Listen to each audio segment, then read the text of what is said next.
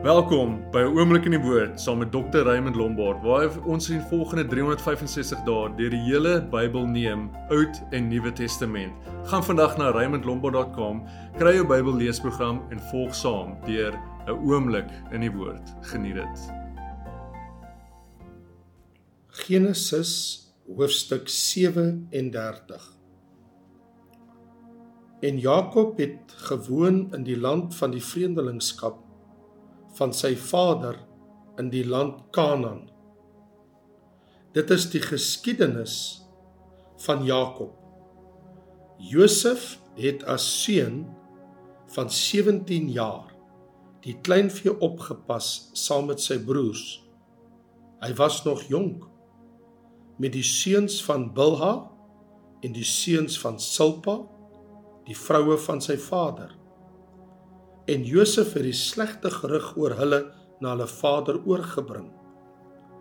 En Israel het Josef meer liefgehad as al sy seuns, want hy was vir hom 'n seun van die ouderdom. En hy het vir hom 'n lang rok met moue gemaak. Toe sy broers sien dat hulle vader hom meer as al sy broers liefhet, het hulle hom gehaat en kon nie vriendelik met hom praat nie. Ook het Josef 'n droom gehad wat hy aan sy broers vertel het. Daaroor het hulle hom nog meer gehaat. Hy het naamlik vir hulle gesê: "Hoor tog hierdie droom wat ek gehad het.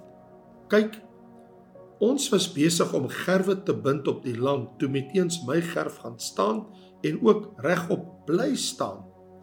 Terwyl julle gerwe daar rondom kom en hulle voor my gerf neerbuig. Toe sê sy broers aan hom: "Wil jy miskien oor ons regeer? Of wil jy miskien oor ons heers?"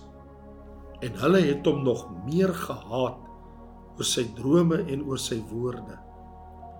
Daarna het hy nog 'n ander droom gehad en aan sy broers vertel en gesê: "Kyk, ek het nog 'n droom gehad Die son en die maan en 11 sterre het hulle voor my neergebuig. Toe hy dit aan sy vader en sy broers vertel, het sy vader hom hard bestraf en aan hom gesê: "Wat is dit vir 'n droom wat jy gehad het? Moet ons werklik kom, ek en jou moeder en jou broers, om ons voor jou na die aarde neer te buig?" En sy broers was afgunstig op hom, maar sy vader het die saak in gedagte gehou en sy broers het die klein vee van hulle vader by Sichem gaan oppas. Toe sê Israel vir Josef: "Pas jou broers net die vee op by Sichem nie? Kom, laat ek jou na hulle stuur." En hy antwoord hom: "Hier is ek." Toe sê hy vir hom: "Gaan tog verneem na die welstand van jou broers en die welstand van die vee en bring vir my berig terug." So het hy hom dan uit die dal van Hebron weggestuur en hy het by Sichem aangekom.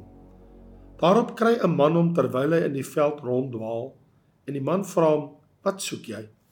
En hy antwoord: "Ek soek my broers. Vertel my tog waar hulle die vee oppas." Toe sê die man: "Hulle het hiervandaan weggetrek want ek het hulle hoor sê: Laat ons na Dothan gaan." En Josef het agter sy broers aangegaan en hulle in Dothan gevind. En hulle het hom van ver af gesien. Maar voordat hy naby hulle kom, het hulle lustig saam raad gehou teen hom om hom dood te maak. En hulle het vir mekaar gesê: "Daar kom daardie dromer aan. Kom dan nou, laat ons hom doodmaak en in een van die putte gooi en sê: 'n wilde dier het hom opgeëet.' Dan sal ons sien wat van sy drome word." Toe Ruben dit hoor, het hy hom uit hulle hand gered deur te sê: "Laat ons hom nie doodslaan nie." Reuben het ook vir hulle gesê: "Moenie bloed vergiet nie. Gooi hom in hierdie put wat in die woestyn is, maar moenie die hand aan hom slaan nie, sodat hy hom uit hulle hand kon red om hom na sy vader terug te bring." En toe Josef by sy broers kom, trek hulle Josef se rok uit, die rok met lang moue wat hy aangetree het en hulle neem hom en gooi hom in die put, maar die put was leeg. Daar was geen water in nie. Daarna het hulle gaan sit om brood te eet. En toe hulle oë opslaan, sien hulle met eens 'n reisgeselskap Ismaelite wat uit Gilead kom. Hulle kamele gelaai met speserye en balsam en gom op pad om dit na Egipte af te bring. Toe sê Juda aan sy broers: "Watter voordeel is dit dat ons ons broer doodmaak en sy bloed verberg? Kom laat ons hom aan die Ismaelite verkoop. Maar laat ons hand nie teen hom wees nie, want hy is ons broer, ons vlees." En sy broers het na hom geluister. En toe die Midianitiese koopmans verbykom, het hulle Josef uit die put uit opgetrek en uitgehaal en Josef aan die Ismaelite verkoop vir 20 sikkel silwer. En hulle het Josef na Egipte gebring. Toe Reuben by die put terugkom, was Josef nie in die put nie. Daarop skeur hy sy klere. En hy gaan na sy broers terug en sê: "Die seun is nie daar nie. En ek, waar moet ek heen?" Toe neem hulle Josef se rok en hulle slag 'n bok en steek die rok in die bloed. En hulle stuur die lang rok weg en laat dit na hulle vader bring met die woorde: Dit het ons gevind. Kyk tog goed of dit nie die rok van u seun is nie. En hy het dit erken en gesê: Die rok van my seun. 'n Wilde dier het hom opgeëet, verskeur. Verskeur is Josef. Toe skeur Jakob sy klere en trek 'n roukleed om sy heupe. En hy het oor sy seun gerou baie dae lank. En al sy seuns en al sy dogters het moeite gedoen om hom te troos, maar hy het geweier om te laat troos en gesê: "Nee, treurend sal ek na my seun in die doodryk afdaal." So het sy vader hom dan beween. En die Midianiete het hom na Egipte verkoop aan Potifar 'n hofdienaar van Farao, die owerste van die leiwag. Genesis hoofstuk 38. In die tyd het Juda afgetrek van sy broers af weg en uitgedraai na 'n man van Adullam met die naam van Hira. En Juda het daar die dogter van 'n Kanaanitiese man gesien met die naam van Sua en hy het met haar getrou en by haar ingegaan. En sy het bevrug geword en 'n seun gebaar en sy het hom Er genoem. Daarna het sy weer bevrug geword en 'n seun gebaar en hom Onan genoem. En sy het nog weer 'n seun gebaar en hom Sela genoem. En hy was in Kisib toe sy hom gebaar het. En Juda het vir Er sy eersgeborene 'n vrou geneem en haar naam was Tamar. Maar Er, die eersgeborene van Juda, het die Here mishaag. Daarom het die Here hom laat sterwe. Toe sê Judas, Juda vir Onan: "Gaan in by die vrou van jou broer en sluit die swaars huwelik met haar en verwek vir jou broer 'n nageslag." Maar Onan het geweet dat die nageslag nie syne sou wees nie. Daarom het hy elke keer as hy by die vrou van sy broer ingaan, dit op die grond verderwe om vir sy broer geen nageslag te gee nie. En dit was verkeerd in die oë van die Here wat hy gedoen het. Daarom het hy hom ook laat sterwe. Toe sê Juda vir Tamar, sy skoondogter: "Bly 'n weduwee in die huis van jou vader totdat my seun Sela groot is." Want hy het gedink: "Anders sterwe hy ook soos sy broers." So het Tamar dan gaan woon in die huis van haar vader. En na verloop van geruime tyd het die dogter van Soa, die vrou van Juda, gesterwe.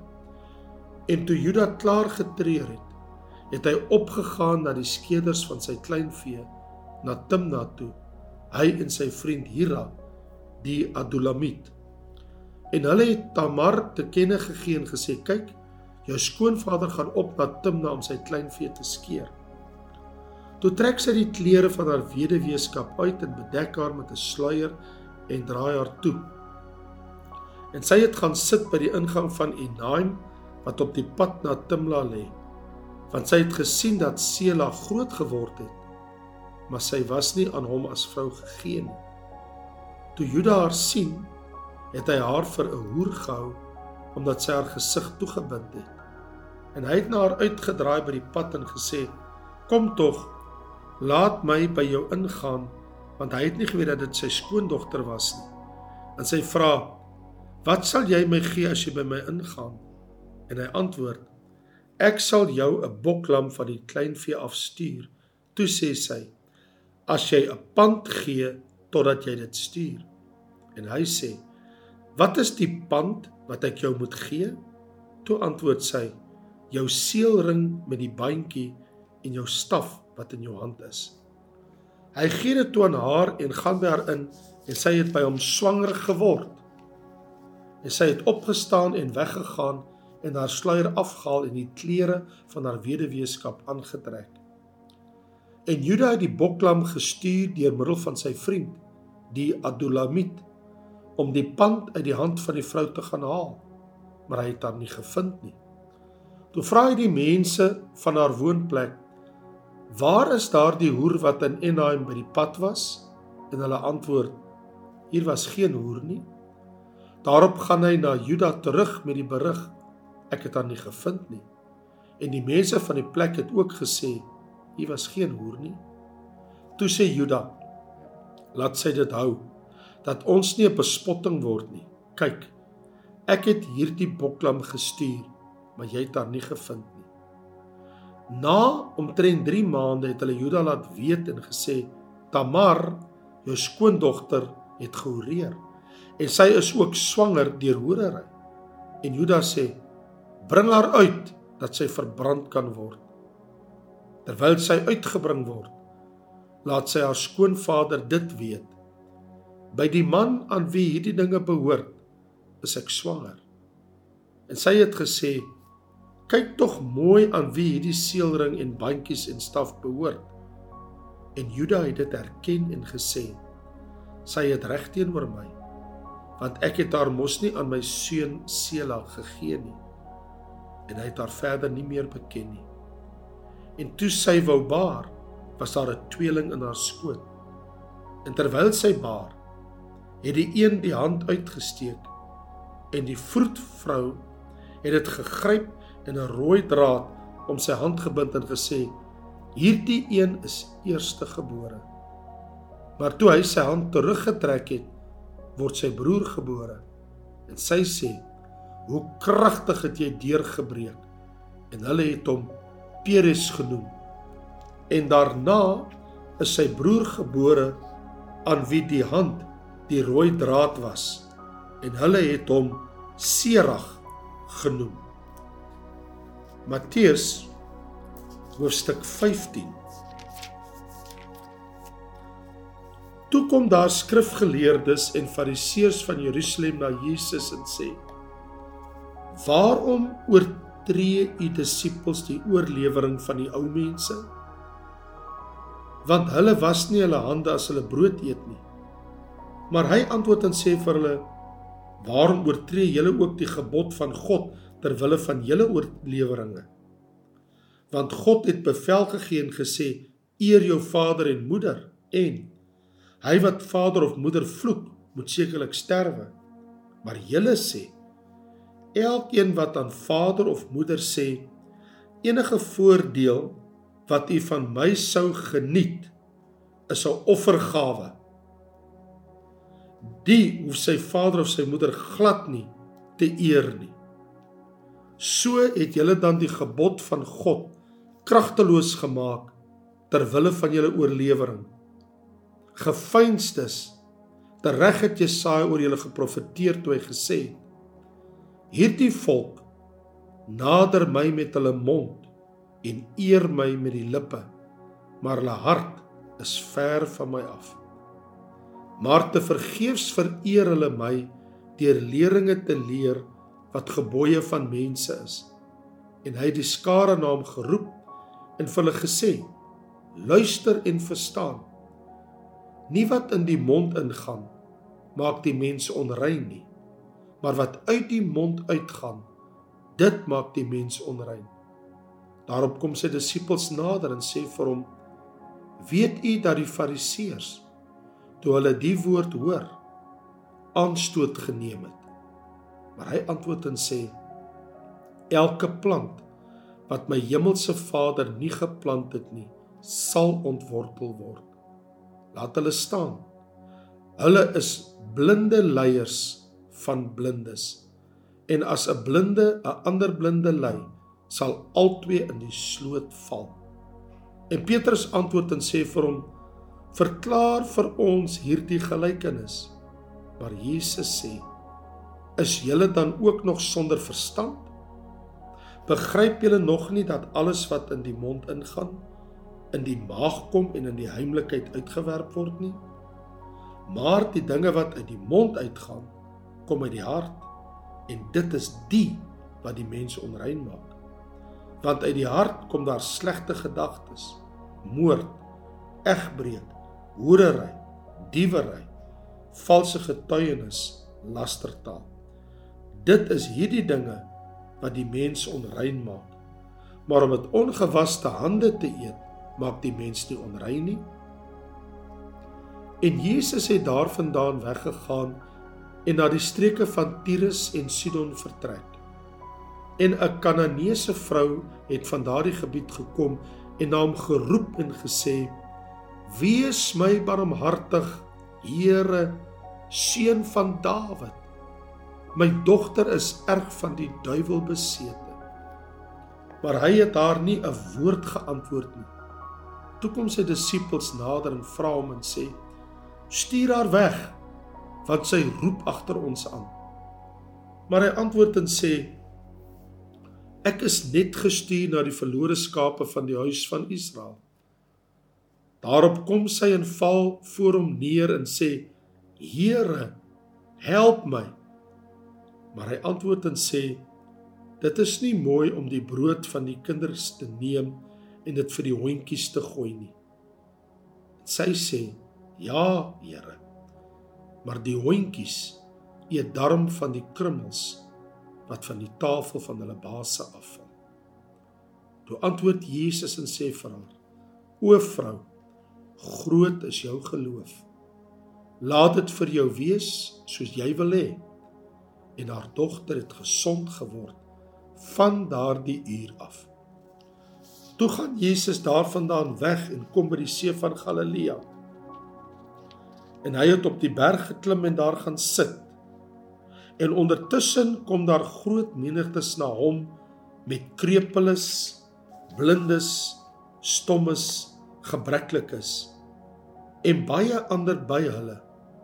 En hulle het die by die voete van Jesus neergesit en hy het hulle gesond gemaak sodat die skare verbaas was om te sien dat stommes praat, gebreklikes gesond word, krepeles loop en blindes sien en hulle het die God van Israel verheerlik. Toe het Jesus sy disippels na hom geroep en gesê: Ek voel innig jammer vir die skare omdat hulle al 3 dae by my bly en niks het om te eet nie. En ek wil hulle nie graag honger wegstuur nie sodat hulle nie miskien op die pad beswyk nie. En sy disippels sê vir hom: Waar sal ons in die woestyn soveel brode vandaan kry om so groot skare te versadig? Toe sê Jesus vir hulle: "Hoeveel brode het julle?" Hulle antwoord: "7 en 'n paar visse." En hy het bevel gegee aan die skare om op die grond te gaan sit. Toe neem hy die 7 brode en die visse en nadat hy gedank het, breek hy dit en gee dit aan sy disippels en die disippels aan die skare. En hulle het almal geëet en versadig geword. En hulle het die oorskot van die brokstukke opgetel, 7 mandjies vol. En die wat geëet het, was 4000 manne buiten die vroue en kinders. En nadat hy die skare weggestuur het, het hy in die skuit gegaan en in die gebied van Magdala gekom. Dankie dat jy by ons ingeskakel het. Ons vertrou dat die woord vir jou tot seën was. Skakel gerus môre in waar ons verder lees in die woord.